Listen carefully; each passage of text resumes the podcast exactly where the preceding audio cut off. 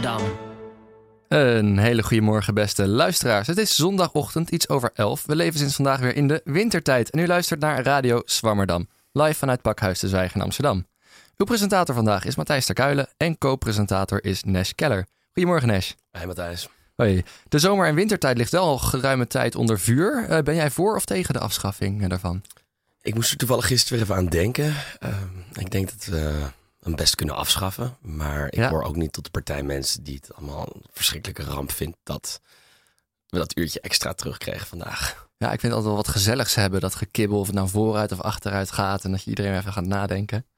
Ik ben wel voor de wintertijd. Ja? Ja. Ja, oké. nou, goed dat iedereen wel op tijd is gekomen. Ehm, aan tafel hebben we vandaag een aardwetenschapper en een socioloog. En samen met hen gaan we de huidige aanpak van de klimaatbestrijding bespreken. De bestrijding van de verandering van het klimaat. Ruben Jacobs, eh, fijn dat u vandaag wilde aanschuiven. U bent socioloog en houdt u bezig met de bewustwording en de maatschappelijke tendensen rondom klimaatverandering. Verwoord ik dat goed zo? Ja, dat lijkt me wel een mooie samenvatting. En, eh, waar kunnen mensen u zo van kennen? Ik schrijf eh twee maandelijks een column op brainwash.nl. Dat is van de Human, online website voor ja, filosofische analyse, sociologische analyse van allerlei maatschappelijke vraagstukken. En daarnaast publiceer ik ook gewoon eh, boeken en spreek ik hier eh, regelmatig op allerlei plekken. Dus eh, mensen, als het over klimaat gaat, dan kom je op een gegeven moment waarschijnlijk wel een keer mijn naam ergens tegen Ja, ja. ondertussen. Ja, we gaan zo meteen gaan we uitgebreid eh, de sociologische aspecten bespreken. Maar eerst gaan we het hebben over de aardwetenschappelijke kant van klimaatverandering. Daarvoor zit aan tafel eh Sjoerd Kluiving. Sjoerd, goedemorgen. Goedemorgen Matthijs. Ehm, u bent hoogleraar aardwetenschappen aan de VU, klopt dat? Universitair hoofddocent. Universitair, sorry, Ja. universitair hoofddocent. Was dat wat u ook als kind wilde worden? Eh, Of het aardwetenschappen gedeelte? ja, ik wilde al, wist al vrij vroeg dat ik iets met aardbevingen en vulkanen wilde. En dat was eh, toen ik eh, denk ik of- jaar of twaalf was, 13 was. Dus dat was vrij vroeg. Oké, ja. En dat is in een lineair pad bent u daarin...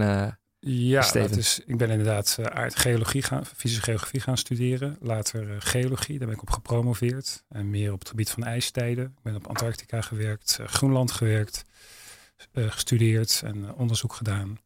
En ben later, na mijn promotie, ben ik in de archeologie gerold. En daar heb ik me verder in ontwikkeld als geoarcheoloog. En inmiddels doet u vooral onderzoek naar het Anthropoceen. Dat klopt. Eh, Ehm, kunt u de luisteraars precies uitleggen wat houdt het Anthropocene in? Het Anthropoceen is de naam voor een nieuw tijdvak waar wij als mensheid in leven, in zouden leven. Eh, het is een geologisch eh, bedoeld genaamd tijdvak, wat nu door alle andere wetenschappen zo'n beetje omarmd wordt. En het heeft de naam om het tijdvak te zijn waar wij mensen ja, dominanter zijn dan onze omgevingsprocessen. En wanneer is dit tijdvak ongeveer begonnen? Is daar, eh, zijn mensen het daarover eens? Eh, er is veel debat over, veel discussie over wanneer het nou begint. En eh, over het algemeen is men, begint men nu een soort van consensus te bereiken over 1950. Dat dat 1950. toen begonnen is. Ja. En Net- Is er enig idee wanneer het ook eh, stopt?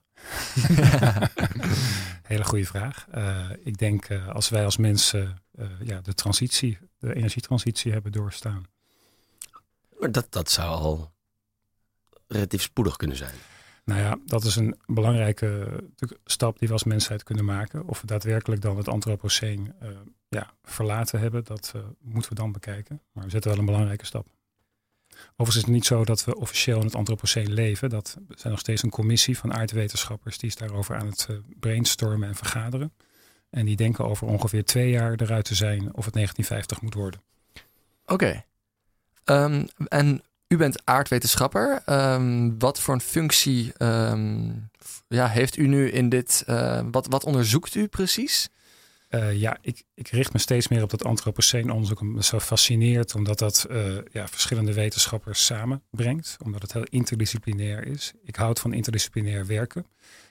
Ik, ik, ik leid ook studenten interdisciplinair op. Ik probeer archeologie-studenten geologie te leren. En ik probeer ook daarbuiten eh, met andere studenten zeg maar, te praten over dit vak. En wat betreft antropoceen is het iets wat ja, mijn fascinatie heeft, omdat het eh, ja, ons allemaal eh, bepaalt op dit moment. Omdat je het overal leest in het nieuws. En omdat ik denk dat we daar ja, via het onderwijs een belangrijke transitie in moeten maken. En het Anthropoceen, ehm, nou ja, er zijn veranderingen in alle aspecten van de geologie. Of de, in de aardwetenschappen, de, eh, samenstelling van de zeeën verandert, de samenstelling van de eh, grond verandert, de samenstelling van de lucht verandert. Eh, in welke onderdelen bent u gespecialiseerd? Ik richt mij in mijn onderzoek voornamelijk op het, de verandering van het landgebruik van de mens in het verleden. In het verleden gebruikte men het land, men vond de landbouw uit, zeg maar 5.000, 6.000 jaar geleden. En men is zo verder ontwikkeld in het, in het aanpassen van het landschap. En eh, wij, wij onderzoeken nu van hoe mensen dat in het verleden hebben gedaan onder verschillende energieregimes. En hoe ze dat in de toekomst opnieuw kunnen doen, opnieuw een ander landschap ontwikkelen eh, in een nieuw energiesysteem, nieuw energieregime. Oké, ehm, en daar is de huidige, ja, het, het- hangt als een bom in de lucht, de stikstofkwestie. Ja, Dat is als de huidige landbouw Ja. één probleem eh, tegenkomt, dan is dat het. ja dat, Doet u daar zelf dan ook onderzoek naar? ik doe zelf geen onderzoek aan stikstofproblematiek. dat Nee. zijn weer andere collega's die zich daarmee bezighouden. En eh, dat, zijn, eh, dat zijn allemaal collega's die zich gelukkig in verschillende disciplines met de verschillende problemen van het antropoceen bezighouden. En daar proberen oplossingen voor te verzinnen. En eh, zo'n zo'n protest als het stikstofprotest eh, van de boeren, die we onlangs hadden op, de, eh, het Binnenhof, is een, is een teken voor mij van een van die sferen in het antropoceen. Eh, waar, waar het wringt of waar een transitie gaande is. Wat, wat zijn eh, andere veranderingen als je moet kijken hoe je eh, binnen het antroposo- antropoceen landbouw zou moeten bedrijven in vergelijking tot vroeger? Nou, wat je tegenwoordig veel hoort is, is landbouwbedrijven met, met meer aandacht voor duurzaam landgebruik. Waarbij je bijvoorbeeld, bijvoorbeeld geen kunstmest gebruikt, maar bijvoorbeeld de bodem meer wisselt. per jaar bijvoorbeeld andere beplantingen doorvoert. Eh, dat is één methode. Je kunt, er wordt ook vaak geroepen om meer bloemen langs de randen van akkers te kweken. Om de biodiversiteit te verhogen. Eh, er is ook veel aandacht voor boslandbouw tegenwoordig. Waarbij men eh, in bossen landbouw bedrijft. waardoor ook weer een soort soortenrijkdom ontstaat. En weer biodiversiteit ontstaat. Dus er, is een, er zijn veel manieren zeg maar, om landschap te, te veranderen. En een van de dingen die wij in ons project ook onderzoeken is rewilding, waarbij we het land echt laten verwilderen. Want is het, eh, wordt het ook al globaal eh, op grote schaal toegepast, deze nieuwe technieken? Of ehm, Dus worden deze veranderingen nog tegengehouden? Eh, er is wel wereldwijd aandacht voor. En het wordt op veel eh, plekken ook wel eh, aandacht gegeven. Zodat Rewilding, wat ik je net vertelde, dat is een, een Europese organisatie, Rewilding Europe, die zich door heel Europa bezighoudt met verwildering van landschappen en veranderende landschappen. Dus het wel degelijk is het een globaal verhaal. Of het globaal al heel erg aanslaat, is lastiger te peilen, denk ik. Is er ehm, niet ook iets soortgelijks? Nou, twee jaar geleden in, in, in Yosemite geweest. In Yosemite Park. Dat ze de wolvenpopulatie eh, vrij hun gang lieten gaan. En dat dat een hele positieve invloed heeft gehad op de gehele biodiversiteit. En zelfs dat er planten terug zijn gekomen. Is, is dat een soortgelijk idee? Als Ja. het, dat past daar helemaal bij, inderdaad. Eh, dat rewild is niet alleen maar planten en bomen, maar het is ook eh, dieren uitzetten en, en dieren opnieuw laten terugkomen. De, de wolf terug in Nederland is ook een stukje rewilding, zou je kunnen zeggen. Het grijpt ook eigenlijk terug op eh, misschien eh, eh, een heel bekend boekje of een heel bekende, eh, ja, hoe zeg je dat, landethicus, om het zo maar te zeggen, Land Eth- Ethics van Aldo Leopold. Dat is echt stamt uit de jaren 50. En dat was een Amerikaan die met name eigenlijk in die tijd wolvenpopulatie probeerde te beheren. En door ook ze af te schieten. Eh, op een gegeven moment was hij daar zo succesvol in dat op een gegeven moment de, de populatie in verschillende Amerikaanse natuurgebieden verdween. En toen zag hij eigenlijk wat de effecten daarvan waren op het gehele ecosysteem. Ehm, Namelijk? Namelijk? er, de- de- er, waren, er kwamen steeds meer herten. Die herten die gingen eigenlijk eh, eh, overal grazen. Die gingen op bergen eh, eh, grazen, wat weer zorgde voor erosie. Eh, waardoor je eigenlijk allerlei soort van zichzelf versterkende mechanismes kreeg. Die eigenlijk dat hele, ja, de biodiversiteit en de, de kwaliteit van dat gebied eigenlijk eh, achteruit lieten gaan. En het interessante is dat hij een boekje heeft geschreven, dat noemt hij Thinking Like a Mountain. En daar komt zijn gedachtegoed eigenlijk van. Nou, je, je moet eigenlijk dat hele gebied in zijn totaliteit Ja. proberen te begrijpen. En alles hoe, met alles in elkaar, eh, ja, met, met elkaar verbonden is. Om te snappen eigenlijk hoe je daarbinnen dan het beste je zou kunnen bewegen als mens die toch op een of andere manier een soort beheerachtige functie in, in, in inneemt.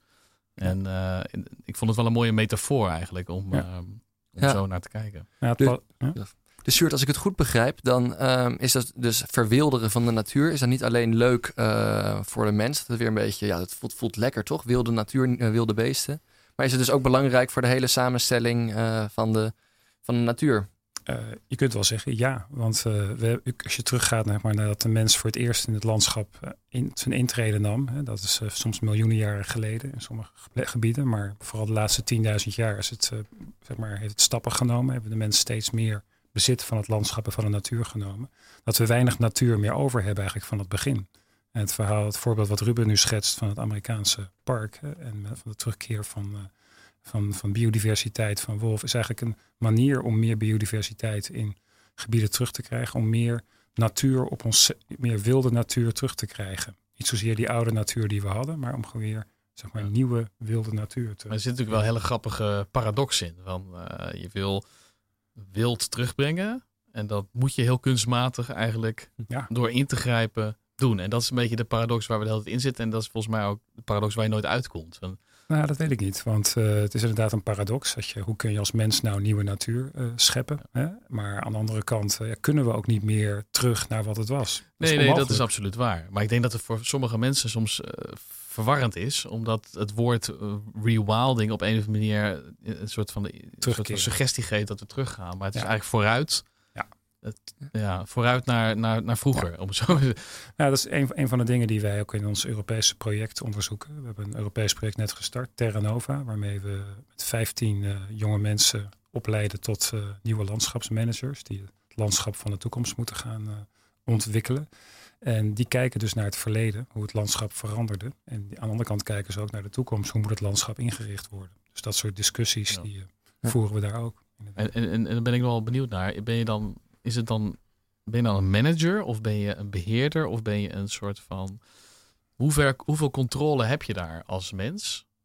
waar, waar houdt de controle op? Over de natuur? Of? Ja, in de zin van, dus ja, is, de, is management, is dat de juiste soort van term om het te, te gebruiken? Of zou je het ook nog op een andere manier kunnen benoemen, wat, wat we daar proberen? Nou ja, managen is natuurlijk ook soms niets doen. En managen is ook inderdaad een, een dier loslaten en zeggen van ik doe verder niks meer. Ik kom alleen volgend jaar even kijken hoe, dit, hoe het ermee gaat bijvoorbeeld. Of ik, laat, ik observeer dat. Dus het is, het is vrij breed. Je moet dat vrij breed zien. Niet, niet managen is niet dag tot dag ingrijpen en uh, ja, uh, bijsnoeien en uh, inperken. Zo. Ja, ja, precies.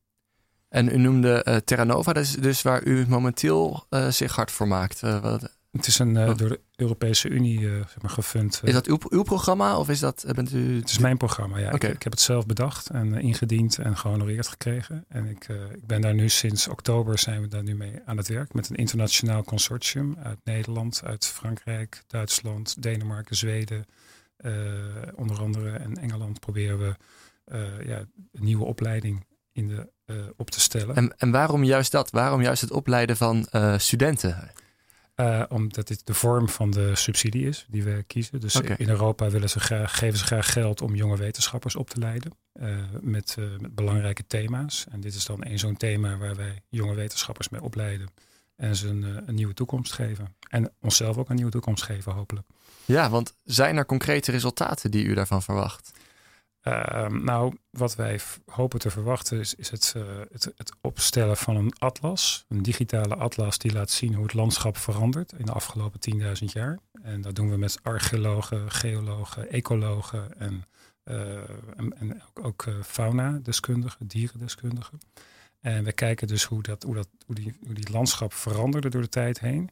Dat is de ene kant. En we hebben een andere groep mensen die kijken juist hoe gaan wij beleid ontwikkelen aan de hand van nieuwe landschapsmanagement technieken of rewilden.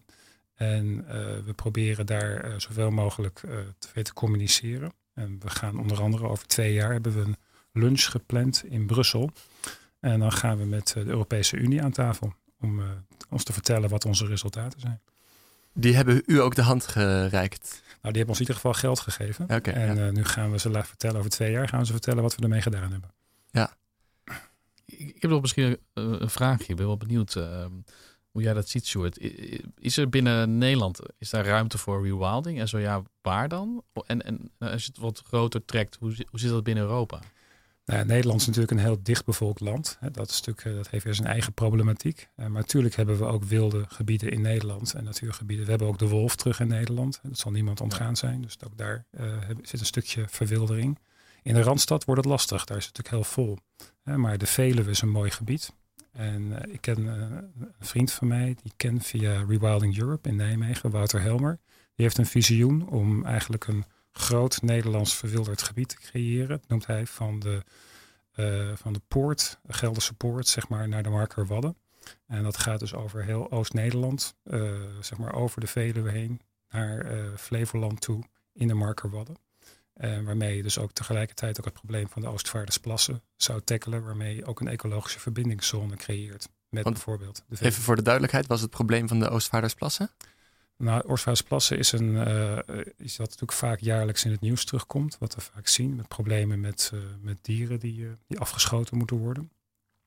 het probleem is dat het wel een gebied is waar een soort verwildering op gang gezet is. Alleen het gebied is te smal, is te klein, is omgrensd. Er staan hekken omheen, waardoor er geen vrije verkeer is eigenlijk van, van natuur en van dieren. En vandaar dat, dus, dat dus de mens daar dus moet ingrijpen van tijd tot tijd. En door die verwildering zou doorgezet kunnen worden door dat gebied te kon, uh, verbinden met andere. Ja, door te verbinden, te vergroten, door te zeggen van nou, voor bepaalde landbouwgebieden, daar kiezen we voor om die natuur te maken. En uh, dat is, dat is, dat is dus zo'n managementbeslissing, zeg maar, in de toekomst. De, denkt u dat dat een, een, haalbaar doel is, dat dat gaat gebeuren? Um, nou, dus er wordt veel. Dus ik denk wel dat er een, een, een verandering in de samenleving op, touw, op gang is. En dat je wel ziet dat daar steeds meer uh, belangstelling voor is. En als je die plannen maar lang genoeg uh, aantrekkelijk maakt en, laat uit, en mensen gaat praten en dat uh, inderdaad verschillende landeigenaren ook het belang daarvan inzien, dan zou je zoiets wel ten duur kunnen, tot stand kunnen brengen, denk ik. Ik heb ook gehoord dat mensen een keertje zeiden, um, in je tuin, maak eens een hoek van je tuin wild. Ja. Is, is dat ook iets waar nou, u van af weet, wat de gevolgen daarvan zouden zijn? ik, ik, vond het wel een sympathiek idee namelijk. Het is een zeer sympathiek idee. Ik doe daar zelf geen onderzoek in. Ik weet wel dat een organisatie als met Rewilden, dat het ook voor uh, de stad geldt. En uh, dat is iets wat, je ook, uh, wat ik ook leuk vind om in de stad terug te zien. Steeds meer groen. En het zogenaamde bouwen met groen, waarbij ook nieuwe gebouwen met heel veel ecologisch materiaal en met veel groene tuinen op daken bijvoorbeeld ja. terugkomen. maar ook groene daken zie je steeds meer terugkomen in het, in het, zeg maar, het stedelijk landschap. Ja. ja. Onttegelen. Ontegelen. En ontegelen. En, en daarbij is ook nog, uh, wat belangrijk daarbij is ook, is dat, uh, dat die biodiversiteit, hè, die ook onder druk staat, zeg maar, in onze maatschappij, is ook om met zoveel mogelijk groen, zeg maar, in het landschap, dat ook weer op een, uh, ja, op een hoger plan te trekken. Dus dan maar wat meer beestjes in de tuin. Ja, want nog even ter um, voltooiing. Dus we leven in het Anthropoceen. De mens heeft nog nooit zo'n grote impact gehad op het milieu. Dat merken we aan alle, alle facetten. En wat, hoe kunnen we nou precies zeggen? Kijk, die verwildering die, die is heel mooi. Dat, dat, de biodiversiteit is goed. Maar hoe gaat dat on, ons concreet helpen met de problemen die wij nu tegemoet zien? Nou, Kijk, het is een soort verzamelterm voor, voor heel veel uh, verschijnselen en problemen. En daar worden soms mensen niet al te vrolijk en te blij van. Het is belangrijker om aan oplossingen te denken. En dat, zijn, uh, is onderzoek wat wij doen, bijvoorbeeld universiteit. Of het zijn boeken zoals Ruben die schrijft, die zo aan komt. maar het zijn ook organisaties als Drawdown. In, dat is een wereldwijde organisatie waar men oplossingen voor klimaatverandering verzint. En ook wetenschappelijk gepubliceerd heeft. En daar, dat zijn honderd bestaande oplossingen om klimaatverandering te stoppen. Uh, dat is iets wat, wat steeds veel beter gecommuniceerd moet worden, wat veel mensen moeten weten. En wat ik, ja, wat ik heel belangrijk vind voor, voor de discussie die we nu voeren, is dat we ook meer aandacht aan onderwijs geven. En dat als je een verandering wil doorvoeren, hè, of, een verandering in bewustwording, moet er meer aandacht in het onderwijs komen. Ja, maar concreet, ik vroeg vooral naar de, um, de verwildering. Welke bredere invloeden we daarvan kunnen merken, behalve dat het goed is voor de biodiversiteit? Of is dat het doel op zich? Uh, nou, je, je, je, je zult merken dat je een, een betere leefomgeving krijgt. Uh, het zal uh, misschien dat het ook klimaatverandering tegengaat. Uh, omdat je dus meer wild, meer bomen krijgt hè, die meer CO2 opnemen. Ja. Dus het heeft verschillende uitval, zeg maar, gezonde impact zeg maar, op het landschap en op de samenleving. Oké. Okay. Sjoerd, ik heb nog een uh, vraagje over een van de grootste gevaren die bij Nederland toch altijd op de loer ligt. Namelijk dat we een, uh, een laaggelegen polderland zijn. En met de huidige klimaatverandering blijft een grote angst dat de, de stijgende zeespiegel en dat x aantal procent, over hoeveel hebben we het? 50, 60 procent van Nederland onder water kan komen te staan. En als we het dan hebben over veranderende landschappen, dan vraag ik me af, uh, welke rol heeft dit scenario in, in de, de plannen die, die, die, jullie met Terra Nova bijvoorbeeld maken? Dus eigenlijk de, de doemscenario's die kunnen plaatsvinden. Nou, op zich met Terra Nova houden we ons niet zozeer met die, houden we ons ook met die lage gebieden tegen, ook met riviergebieden bezig. En een van die voorbeelden bijvoorbeeld van rivieren, landschappen die ook last hebben van die stijgende zeespiegel en van, van meer overstromende gebieden.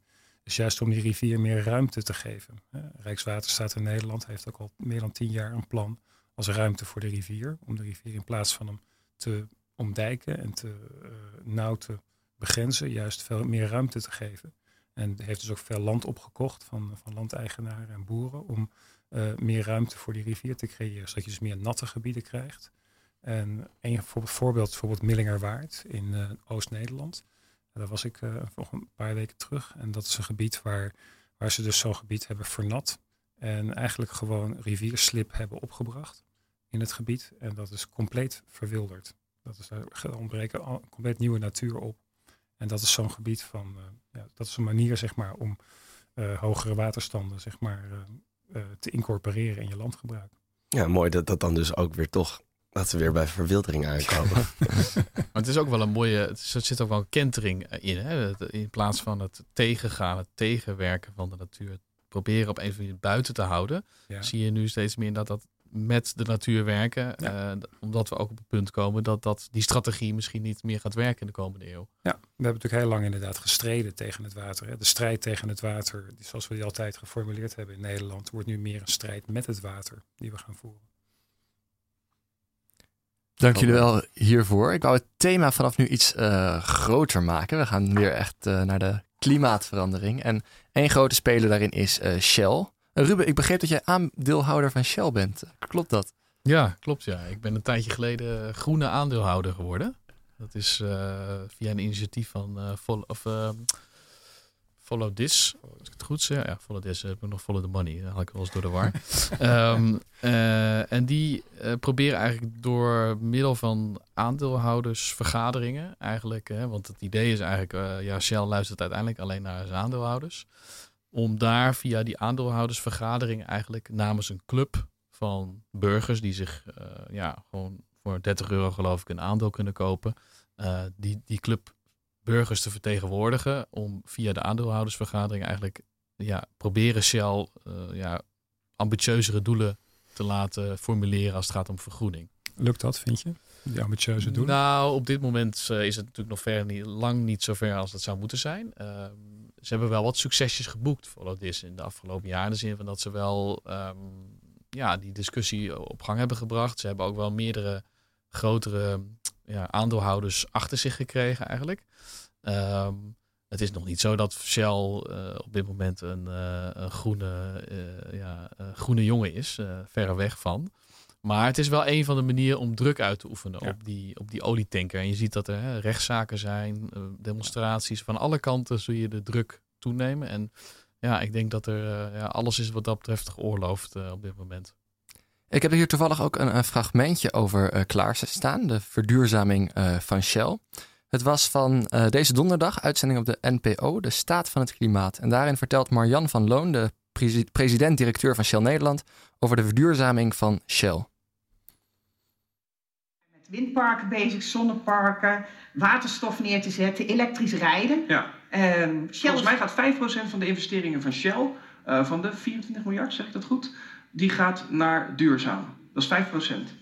Ja, tegelijkertijd, hè, zo kun je naar, naar data kijken. Tegelijkertijd ja. is Shell een van de grootste wereldspelers in hernieuwbare energie-investeringen. Dus het is klein en het moet veel groter. Dat zijn we allemaal met elkaar eens. Maar die markt moeten we opbouwen. Die markt moeten we opbouwen. Dat zei ze in het interview ook vaker. Um, vraag aan jullie allebei. Zijn jullie daarmee eens? Als grote speler uh, Shell kan je verwachten dat ja, die uh, markt opgebouwd moet worden? Of kan je zeggen, wij maken die markt in één keer? Ja, en ik zie dat uh, zo'n grote speler als Shell, dat hij een beetje gevangen zit in zijn eigen zeg maar, industriële web, om het zo maar even samen te vatten. die hebben natuurlijk altijd uh, heel veel geld verdiend met, met olie uh, opboren en gas opboren en dat verkopen. En daar, daar staat het hele bedrijf, die hele instelling, en met Shell honderd andere oliebedrijven in de hele wereld, of iets minder geloof ik, die zijn bezig op die manier natuurlijk economie te bedrijven. En een van mijn stokpaardjes is dat we gewoon naar een hele andere economie toe moeten. En, uh, en wat, uh, kan dat van uh, dag 1 op dag 2? Dat kan zeker niet van dag 1 op dag 2. Daar hebben, hebben we wat tijd voor nodig. En het, zou, ja, het zou interessant zijn om te zien dat, dat juist zulke bepalende spelers als oliemaatschappijen, dat die misschien wat sneller een transitie maken dan ze nu laten zien. Maar goed, ik ben misschien ongeduldig daarin. Maar aan de andere kant hebben we ook niet zo heel veel tijd meer. Dus ik kaats de bal weer terug naar Ruben. Uh, Ruben, vind jij 5% genoeg? Nee, nee, ik denk dat 5% niet genoeg is. Um, en het is absoluut waar wat je zegt. Uh, Shell zit natuurlijk ook deels gevangen uh, in, in dat web. Um, tegelijkertijd denk ik is Shell en ook alle andere olieconcerns um, op dit moment nog steeds gelobbyd wordt aan de andere kant, aan de achterkant, om allerlei ja, grootschalige, ingrijpende uh, klimaatregels, plannen vanuit overheden uh, toch te dwarsbomen. Dus het is hele dubbele, het wordt heel erg met een dubbele boodschap uh, gepraat. En ik denk dat dat met name kwalijk is. ik denk begrijpelijk dat dingen niet zomaar kunnen veranderen. maar dan moet je als bedrijf toch wel echt durven die stap te maken en te zeggen van wij gaan toch wel echt proberen daar een soort van uh, leidende rol in te nemen. En we laten overheden ook het, ja, het, het, het speelveld veranderen. Uh, waardoor het ook makkelijker zou worden uh, om die, die weg in te gaan uiteindelijk. Ja. Maar goed, het is een enorm belangenspel. En ehm, ik denk ook wel, kijk, Shell wordt nu gezien als een soort entiteit. Mm. Maar Shell is natuurlijk een verzameling van mensen heel veel mensen die daar werken. En, en die zijn het niet allemaal met elkaar eens. Je, je hoort echt van wel via ja, ingewijde stemmen dat er echt wel binnen Shell ook discussies zijn. En dat er echt wel een delen van groepen zijn binnen Shell die veel verder willen gaan. En anderen die proberen de status quo te, te, te behouden. Uh, dus ik denk dat dat ook is belangrijk is om, om dat een beetje te proberen te gaan zien. Want ja. daar zijn je ziet wel andere bedrijven als DSM bijvoorbeeld, hè, waar, waar het management bijvoorbeeld wel die hele sterke leiding ja. in duurzaamheid uh, trekt. Hè. Dat zijn natuurlijk weliswaar geen oliemaatschappijen, maar wel grote energie, ook grote maatschappijen op wereldniveau hè, die het ja. verschil maken. Dus ja, ik, ja, ik, ik blijf erbij dat, uh, dat we met uh, onderwijs verandering en met ja, gewoon meer mensen bewust maken van waar we mee bezig zijn. Dat we een grotere bijdrage ook aan de aandeelhouders van Shell kunnen leveren. Absoluut. Uh, ja. Maar uiteindelijk zal Shell niet degene zijn die de, die de verandering inzet. Uh, dat, dat, dat weten we gewoon. De verandering blijft, ja, ontstaat altijd aan de flanken. Ja. En nooit, nooit in, in het midden. Ja. Zeker niet in, in een plek waar zoveel machtconcentratie is en geld. Zo, dat zorgt voor logheid, voor, voor behoud. Ja. Dus er moet toch wel wat meer. Zou je niet kunnen dromen? Gewoon denken, ja, als een bedrijf zoveel macht heeft, zo'n zo, zo sterke positie heeft. Ja, maar het is te laat om te dromen nu. Er moet natuurlijk nu gewoon gehandeld worden. Nou ja, Shell wordt altijd als de grote boze broer gezien. Het zou ook zo op een dag zomaar om kunnen draaien. Dat, uh, dat er een nieuw, nieuw directie op uh, is en die zegt van... hé hey jongens, we gaan het uh, anders doen. Ja, maar daar kunnen we natuurlijk niet op wachten. Nee. Ik heb nog een tweede fragmentje voor we hierover doorgaan van verder in het interview. Dat vond ik ook leuk om te laten horen. Want in het interview kwam het probleem heel erg aan sprake dat Shell die zegt, ja wij willen graag verduurzamen, maar er is geen markt voor. Dus zij wachten op een market pool voordat zij market push kunnen doen. Uh, voor, ja, voordat ze dus zomaar duurzame producten op de markt kunnen gooien. En toen kwam er een uh, hele bijzondere vraag, nou ja, een hele scherpe vraag uit het publiek. Uh, ja, hier komt die. onze VN-gezant, Hadjar, heb jij een vraag? Um, misschien een hele kleine vraag even tussendoor. Um, vragen uw kinderen u wel eens om snoep als ze klein zijn? Of ze een snoepje van u mogen? Pardon? Vraagt uw kind wel eens, heeft uw kind wel eens gevraagd, mag ik een snoepje aan u? Uh, ja, zeker. Ja. Ja. Ja, ik heb hele normale kinderen, ja. Nee, nee, nee. Ze zijn nu wat, ze zijn nu Ik wat ook. groter, want ze studeren hier in Delft. Dus uh, Even- ze komen even nou de vraag, weer- eh, Ja, dus eigenlijk wat ik wil zeggen is, ehm, goed, ik las vorige week dat Eeuw Baats, de CEO van Beurden, dat hij eh, meer wil gaan investeren in fossiele energie vanuit Shell. Nou goed, als kind zijnde vroeg ik mijn moeder ook wel eens heel erg vaak om, ehm, om snoepjes. En Van Beurden zegt eigenlijk, ik ga meer investeren omdat er meer vraag is. Nu weten we ook dat, nou ja, als mijn moeder mij iedere dag snoep zou geven, weet ik dat dat op de lange termijn schadelijk is. Mijn vraag aan u is eigenlijk, denkt u niet dat marktvraag, omdat er marktvraag is, dat dat genoeg rechtvaardiging is om wel acties te nemen waarvan we weten dat ze heel veel impact hebben voor toekomstige generaties?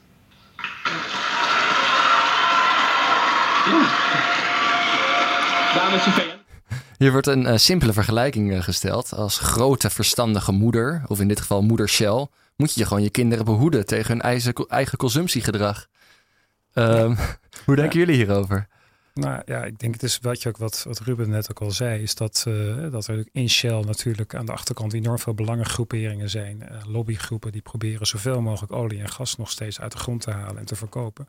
Maar dat is iets wat, wat niet meer past eigenlijk in de nieuwe economie waar we naartoe moeten. Waar die je ook om je heen ziet. Je ziet veel meer circulaire systemen, mensen die met circulaire economieën werken, mensen die proberen te verduurzamen. Eh, daar zitten verschillen in. En eh, ja, we moeten naar een ander economisch model toe, die ze waar, eh, waar ook weer het onderwijs belangrijk voor is. En eh, en het nieuwe economische model is, is iets als, een, eh, ja, als meer circulair of als een, een donut. eh, om er- Daar gaan we het ook nog zo over hebben. prima, ja. En Ruben, hoe, hoe denk jij daarover? De, de- als moedertje Shell, de verantwoordelijkheden die, delen die erbij komen, eh, komen? Ja, nou ja, in de ideale wereld zou dat natuurlijk eh, fijn zijn als eh, moeder Shell eh, die verantwoordelijkheid neemt. Maar ja, ik denk als je er wat meer realistisch naar kijkt, dat, dat, niet, eh, dat we dat niet gaan zien. Dat dat Shell niet gaat zijn. In de zin van Shell zal veel meer moeten worden gedwongen, deels eh, gepusht om die stap te maken. Ehm, en, eh, en misschien wel zouden ze kunnen besluiten om die lobbymachine op een gegeven moment is, is op te doeken. En ook toelaten, toe te laten dat er soms regelgeving nodig is. Dat er een soort incentives nodig zijn vanuit de overheid om een andere kant op te duwen. Eh, dat er geen markt is voor duurzame producten, dat vind ik een vreemde, vreemd argument. Je ziet dat de prijzen voor wind, eh, voor zonne-energie echt gigantisch snel dalen. Dat is een markt die enorm aan het groeien is.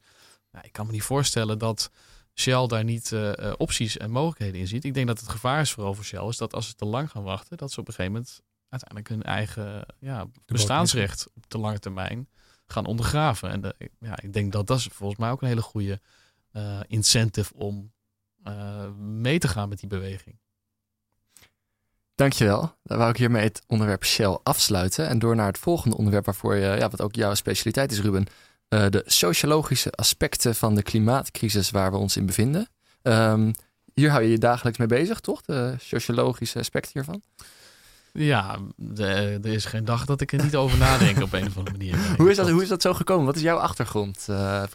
Ik, eh, ik heb eh, ooit kunstacademie gedaan. En toen ben ik eh, via een soort omweg uiteindelijk bij de opleiding sociologie terechtgekomen. Die heb ik hier aan de, de Uni- Universiteit van Amsterdam gevolgd. Uiteindelijk als cultuursocioloog afgestudeerd. Die dus met name eigenlijk ja, kijkt naar de culturele invloed op ons dagelijks handelen. Op onze manier van hoe, hoe we naar onszelf kijken, et cetera, et cetera. En ehm, ja, eigenlijk de eerste paar jaren vooral allerlei onderwerpen over geschreven en eh, nagedacht. Tot op een gegeven moment eigenlijk eh, ja, dat, dat, dat ecologische vraagstuk zich zo opdrong. En ik zag dat daar eigenlijk nog heel weinig eh, vanuit die perspectieven over na werd gedacht. En dat het tegelijkertijd ook een gigantisch, ehm, ja, ongelooflijk complex sociaal probleem is. Een cultureel probleem. Eh, je hebt een hele mooie uitspraak, dat eh, is van een, van een socioloog, die noemt het een eh, problem from hell. Hè, dus als je zou, stel je zou een groep kwaadaardige psychologen en psychologen en sociologen samenzetten en vragen, ontwerp nou eens even een probleem waar de menselijke geest bijna niet mee om kan gaan, dan is klimaatverandering wellicht het perfecte ontwerp. En dat vind ik wel een mooie manier om het eh, te zien. En daardoor interessant, eh, ongelooflijk interessant voor een socioloog eh, om mee bezig te zijn. Jij schetst ook dat ook de communicatie tussen mensen over klimaat, dat dat ook moeizaam gaat. Dat mensen dat het, bespreken, dat dat ook een soort van not done is. Ja, ja, ik denk dat dat nog steeds, het, is wel aan het veranderen. Je ziet er echt wel heel veel beweging in de afgelopen maanden, al jaar. Hè, door alle demonstraties alles wat er speelt, klimaatbeleid. Maar het is nog steeds een heel ongemakkelijk onderwerp om over te praten. Een soort taboe onderwerp eigenlijk. Uh, ik, ik ervaar het nog steeds uh, dagelijks van hoe ongemakkelijk het is om uh, het aan te, aan te kaarten. En hoe ook het aan de ene kant heel erg gepolariseerd is. En tegelijkertijd ook nog eens een onderwerp is wat behoorlijk ja, zwaar kan vallen. Wat nooit echt op een soort mooi einde eindigt van hey, we, het is altijd, we moeten dan nog een hooppuntje zoeken aan het einde en dan kunnen we weer door naar een onder, ander onderwerp. Ja, nee, het klopt helemaal. Het is inderdaad, mensen vinden het gewoon niet leuk om slecht nieuws te horen. Hè? En, en dat moet je niet, vooral niet te veel van horen. Want anders dan, eh, ja, dan vind je het helemaal niet meer leuk om te vertellen of om door te vertellen of om erover na te denken zelfs. Dus ik denk dat we, wat we ook nodig hebben is een heel goed verhaal wat bij het, uh, bij het antropoceen past. En niet alleen maar het tijdvak van de problemen, maar ook het tijdvak van de oplossingen. Het tijdvak van dat de mens uh, het heft in eigen hand kan nemen en nog steeds kan ook, hè, om het tijd te keren. En dat is iets wat waar veel mensen het soms somber in inzien. Maar ik denk dat we alle mogelijkheden gewoon beschikbaar hebben. We moeten alleen maar die knop omzetten. Ja, ik denk dat dat, dat, dat, dat verhalende aspect is, denk ik, wat jij benoemt, heel belangrijk. Ja. Uh, je hebt een Indiaas-Britse schrijver, Amit Ghosh, en die noemt het eigenlijk een, ja, een crisis van de verbeelding. We, we, kunnen ons gewoon niet zo goed voorstellen hoe die wereld eruit gaat zien. Uh, hoe we het klimaat onderdeel maken van ons dagelijkse handelen, in onze identiteit, hoe we naar onszelf kijken. En daar is dus eigenlijk de verbeelding een heel belangrijk instrument. Um, artistieke verbeelding, maar ook literatuur, et cetera, et cetera. Uh, om een verhaal te vinden wat op een of andere manier wel eerlijk is. Hè. We moeten niet de boel gaan uh, bagatelliseren of proberen uh, onder banken of stoelen te, te, te, te, smeren, te schuiven. Maar wat wel toch een soort van activerend is, waar je het gevoel hebt dat, je, dat er iets is om naartoe te streven. Een wereld die de moeite waard is. Ook al is dat een wereld waarin klimaatopwarming gewoon aanwezig is. Het gaat niet weg. Het, we zullen ermee moeten dealen. Ja. En mensen moeten het gevoel hebben dat ze onderdeel kunnen zijn van een oplossing op een of andere manier. En zodra mensen het gevoel hebben dat ze, eh, dat ze er eigenlijk, ja, wat zij doen niet zoveel uitmaakt, dan gaan ze het onderwerp negeren. Want dan, ja, een onderwerp waar je, niet, eh, waar je zelf niet echt uiteindelijk een oplossing voor kan vinden, dat wordt dan zo'n moeilijke psychologische worsteling dat je het probeert te negeren eigenlijk. Ja, ja en het moeilijke is tegelijkertijd ook dat ja, er zijn natuurlijk mensen die ontkennen dat er klimaatproblemen zijn. En ook mensen die er gewoon niet genoeg kennis van hebben. En wat je dan vaak ziet is dat zij juist geconfronteerd worden met de, de, zware voorbeelden. Uh, kijk om je heen, kijk naar de dieren die uitsterven, kijk naar de zeespiegel die uh, stijgt. En dat is tegelijkertijd natuurlijk weer een gedachte die je heel somber maakt. Dus dan, dan, dan word je geconfronteerd met het feit dat, dat klimaatverandering echt is. Maar dan zie je geen oplossing. Je ziet geen oplossing. Nee, en er zit nog een probleem bij. Want jij, wat jij zegt, hè, kijk eens hoe de dieren uitsterven. Kijk eens hoe de zeespiegel stijgt. Het probleem is dat we dat niet zien. Nee. Het gebeurt hm. altijd ergens buiten ons gezichtsveld. Uh, we zien niet letterlijk de zee stijgen. En we zien ook geen dieren uh, uh, Dus dat maakt het heel abstract. Maar ik denk uiteindelijk die, die, die, die groep klimaatontkenners... die is echt zo miniem op dit moment. Dat is echt een achterhoedegevecht geworden. Ik denk dat dat niet meer een probleem is. Het grote probleem is nu dat we eigenlijk de merendeel van ons ook in zekere zin ontkenners zijn, maar dan light. We, we, ontkennen niet de wetenschap en wat er gebeurt, maar we ontkennen wel wat het van ons vraagt op emotioneel niveau, maar ook op ons handelingsniveau. En daar zijn we eigenlijk nog steeds in zekere zin in ontkenning. En ik denk dat dat is een veel belangrijker probleem, uh, want dat is, de, dat is het merendeel van ons eigenlijk. Uh, naar school? naar school. Maar ook inderdaad gewoon kijken van... Er zijn een aantal dingen die je gewoon heel simpel kan doen. Is gewoon zo min mogelijk uh, vlees, uh, dierlijke producten gaan eten. vliegen, dat zijn eigenlijk dingen waar je best wel veel impact mee kan maken ook. Ik heb daar toevallig ook nog een fragmentje over klaar zijn, staan. Over de minderheid die zich actief inzet voor een beter klimaat. Door dus bijvoorbeeld minder te vliegen of minder vlees te eten. Maar deze groep die heeft het niet altijd even makkelijk. ik heb een gedicht van een anonieme luisteraar klaarstaan dat hierover gaat. Held op geitenwolle sokken, zeiken over plofkipfokken. Lopen een klimaatmars, we liggen Schiphels plannen dwars. Stemmen op GroenLinks en Partij van de Dieren. Graag over een betere wereld zitten te mieren. Bietenburgen op een broodje, gemberthee naar het klootje. E-nummers ontwijken over duurzaamheid zeiken. Kleding uit de tweede hand, oksels zonder deodorant. Benen met lange haren, hekel aan kortzichtige barbaren. Quinoa kut in volle glorie. Skip het vlees, dat is mijn story. Ontelbaar vaak je kutte vragen, laat me om mijn konijnenvoer knagen. Stikstofprobleem, ingestort ecosysteem, klimaatveranderingsclaim. Smeltende ijskappen, politici die er niks van snappen en alleen maar denken aan schrappen en flappen. De planeet gaat ten onder, het interesseert je echt geen donder. Ik ben geen vega-activiste, maar fuck jouw vlezige terrorisme. Ik bekeer je niet, dus hou je bek. Ik eet vega en ben knettergek. Wat je vaak ziet, is dat uh, de, de mensen die zich voor inzetten, die krijgen heel vaak afgunst over hun heen.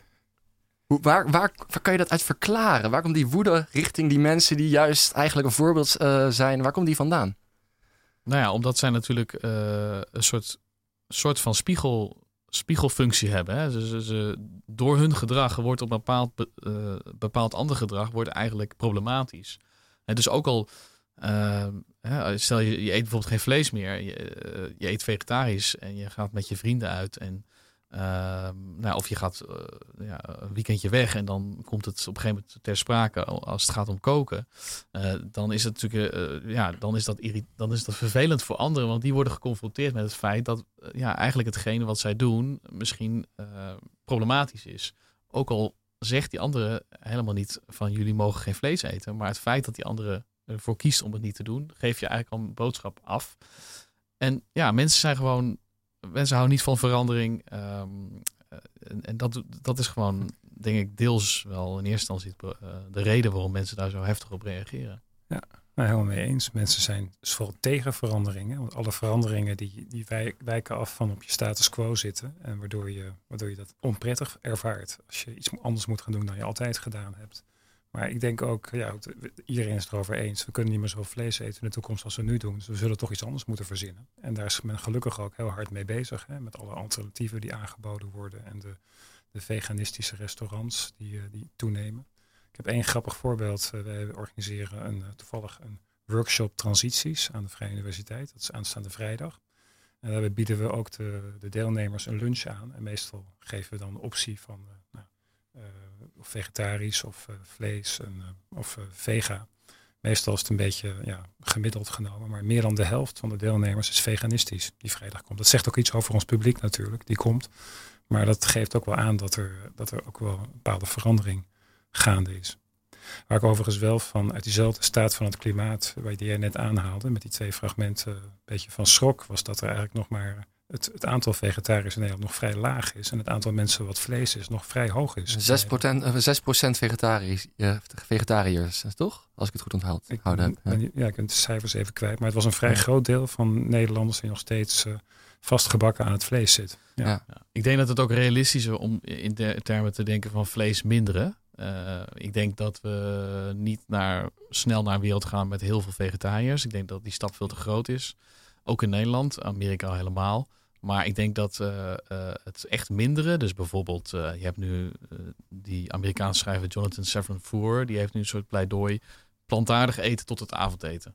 Weet je, dus s ochtends, middags gewoon geen vlees of dierlijke producten proberen te eten. Dan mag je s'avonds gewoon wel dat doen. Ja. om daarmee proberen eigenlijk een veel breder publiek aan te trekken. Want ik denk dat, er, dat laat de onderzoek ook zien, de meeste Nederlanders zijn echt bereid om minder vlees te gaan eten. Um, uh, helemaal geen vlees uh, uh, of, of, dierlijke producten eten is, is voor heel veel mensen veel, veel te ver. Het is ook een geleidelijk proces. Je gaat steeds minder eten eigenlijk. Ja. Je moet mensen ook die, die, die, die, dat proces gunnen. Ja. Ik ben het helemaal mee eens. Ik denk ook dat je mensen ook dat mensen ook het, het, recht moeten hebben om ook te kiezen wat ze, wat, wat ze graag denken dat gezond voor hen is, wat goed voor hen is. En alleen het aanbod moet daarin ook mee corresponderen. En het, uh, het aanbod nu uh, laat hele ongezonde keuzes zien met hele slechte impact op onze omgeving. Hè. Denk maar aan de plofkippen Absoluut. enzovoort. Ja. En uh, varkens die gevoed worden uit Zuid-Amerika, die naar China geëxporteerd worden. En dat zijn allemaal zaken die, die, die niet goed zijn. We zouden naar meer ja, duurzaam vlees moeten gaan. Hè, wat, je, wat je als een delicatesse misschien eet. Ja, in de, in, de, in de sociologie noemen ze dit ook wel de, de, voedselomgeving. Hè? Dus je kunt mensen niet alleen aanspreken op hun individuele keuzes. Als je hun in een omgeving zet die de hele tijd van hun eigenlijk iets anders vraagt of, of, of verlangens oproept. Hè? Dus, dus een wereld die heel erg vlees op allerlei manieren direct of indirect promoot. Hè? Of restaurants die gewoon hele ja, behoorlijke vleeskaarten hebben. Die maken het natuurlijk voor mensen heel moeilijk om, om, om een keer iets anders te doen. Dus we moeten in die, die omgeving ook wel steeds makkelijker maken voor mensen. Om ehm, ja, voor eens een keer wat anders te kiezen dan een stuk vlees of, of andere dierlijke producten. En ik denk dat daar valt een hoop te winnen nog. Naast mensen daar op individuen op aan te spreken, ja. moet je ze ook wel de kans geven om het goede te doen. Misschien ook, misschien ook helpen met de beprijzing. Hè? Want uh, de prijzen zijn natuurlijk niet in overeenstemming met uh, de schade die ze berokkenen aan onze omgeving. Absoluut. En dat, uh, zo is de economie nog niet ingesteld. En het interessante is ook, wordt al vaak gezegd van vegetarisch eten is een soort elite ding. Hm. Maar er zijn heel wat onderzoeken die laten zien dat eigenlijk vegetarisch eten vaak uiteindelijk uit het, aan het einde van de streep vaak goedkoper is dan een heel erg vleesvol uh, dieet. Dus daar zitten ook heel veel misconcepties in, uh, frames. Die we hebben opgeroepen. Uh, dit hoort daarbij. ja, vegetarisch eten is iets met links, hippie-achtig. we hebben een beter verhaal nodig. Inderdaad, en een andere framing, een andere manier van ook te kijken van jongens, het is echt niet zo'n zo simpel beeld wat er vaak wordt geschetst. In de media kom je steeds vaker de term de Green New Deal tegen. Um, ik wou het daar ook nog over hebben en ook hoe die geframed wordt. Um, kunt, u aan de luisteraars uitleggen wat de Green New Deal precies inhoudt? Ja, de, de Green New Deal is eigenlijk een idee wat al wat ouder is. Het stamt een beetje uit uh, de tijd van de economische crisis.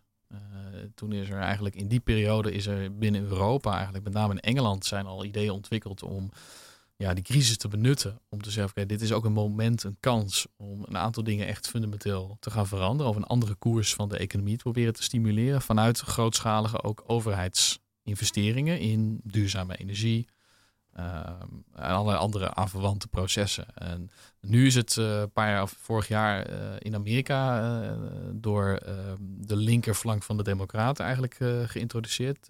Ocasio-Cortez met name, die heeft de Green New Deal eigenlijk als een plan ervoor geschoven van ja, dit is wat wij nodig hebben. Eigenlijk ook een beetje deels geïnspireerd op de, de, de oorlogse mobilisatie uh, rond de Tweede Wereldoorlog, waar op grote schaal eigenlijk de economie is uh, ja, gestimuleerd om zichzelf snel om te bouwen tot een andere, in dat geval een oorlogseconomie. En het vereist dus grootste, grootste investeringen, begrijp ik. Eh. Ja, het is, het is een grootse investeringsplan met name. En niet zozeer een, we gaan alles proberen ehm, van jullie af te nemen. Nee, we proberen echt ook nieuwe banen te scheppen met nieuwe economieën te creëren. Maar dat betekent dat we wel daarin in korte tijd een, een, een, groot programma moeten neerzetten om dat te, ja, in gang te zetten eigenlijk.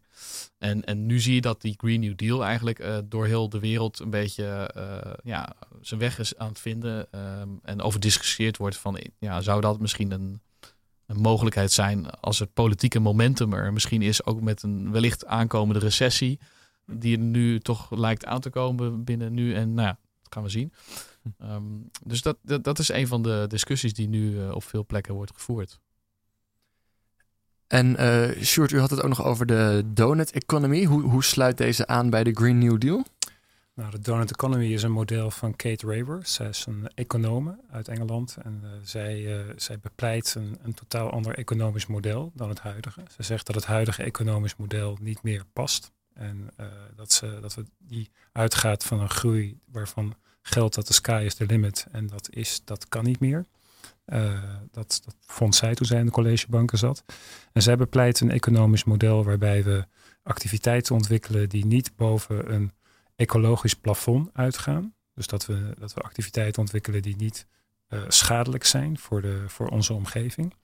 En uh, dat dat eigenlijk het maximum van onze activiteiten moet zijn. En dat het minimum eigenlijk een beetje ons bestaansminimum is. Uh, wat, wat gedefinieerd wordt door de Verenigde Naties Sustainable Development Goals. En dat geeft eigenlijk de ruimte, ze noemt dat de safe operating space, waar, waarin economieën zich zouden moeten ontwikkelen. Maar ik begreep van het klimaatakkoord, we willen in 2050 de economie, nee, we willen nul CO2-uitstoot. Dus u, u, sprak over het uh, plafond van uh, de, de donut, van het maximale wat je kan doen. Maar eigenlijk is dat dan niks. Of begrijp ik dat verkeerd?